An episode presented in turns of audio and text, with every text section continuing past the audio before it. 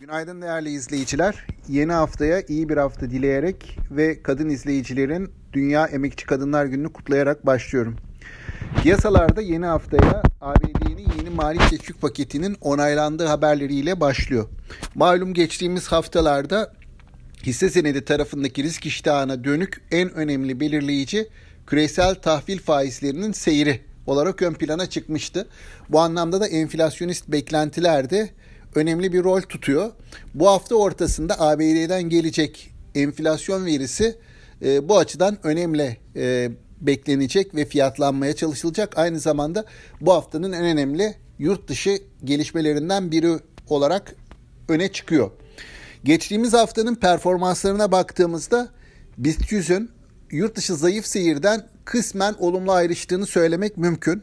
Bu özellikle hava yolu, demir çelik ve petrokimya gibi tematik sektörlerdeki alımlardan kaynaklandı ve BIST 100 TL bazında %1 bir değer kayb kazancıyla haftayı tamamladı. Ancak e, dolar TL tarafında TL bir miktar değer yitirdiği için yine dolar bazında baktığımızda yurt dışı endekslere paralel bir seyir sergilenmiş oldu.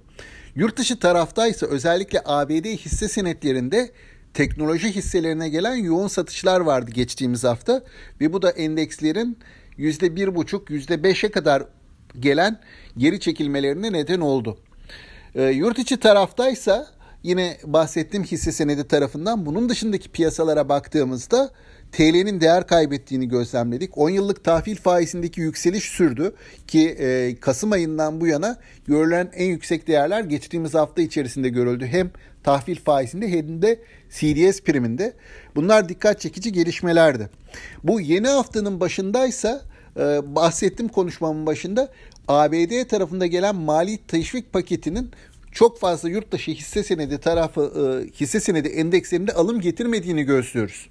Başlangıçta hafif alımlar vardı açılışlarda. Sonrasında bunlar zayıfladı. Şu an baktığımda gerek ABD vadeli hisse senedi endekslerinde gerekse de Asya piyasalarında ya yataya yakın ya da eksilerin hakim olduğu bir tablo var.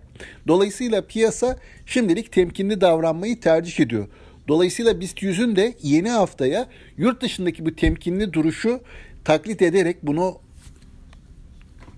yine Türkiye içerisinde tekrarlayarak yatay yataya yakın bir seyirle hatta bir miktar belki satıcılığı başlayabileceğini düşünüyorum.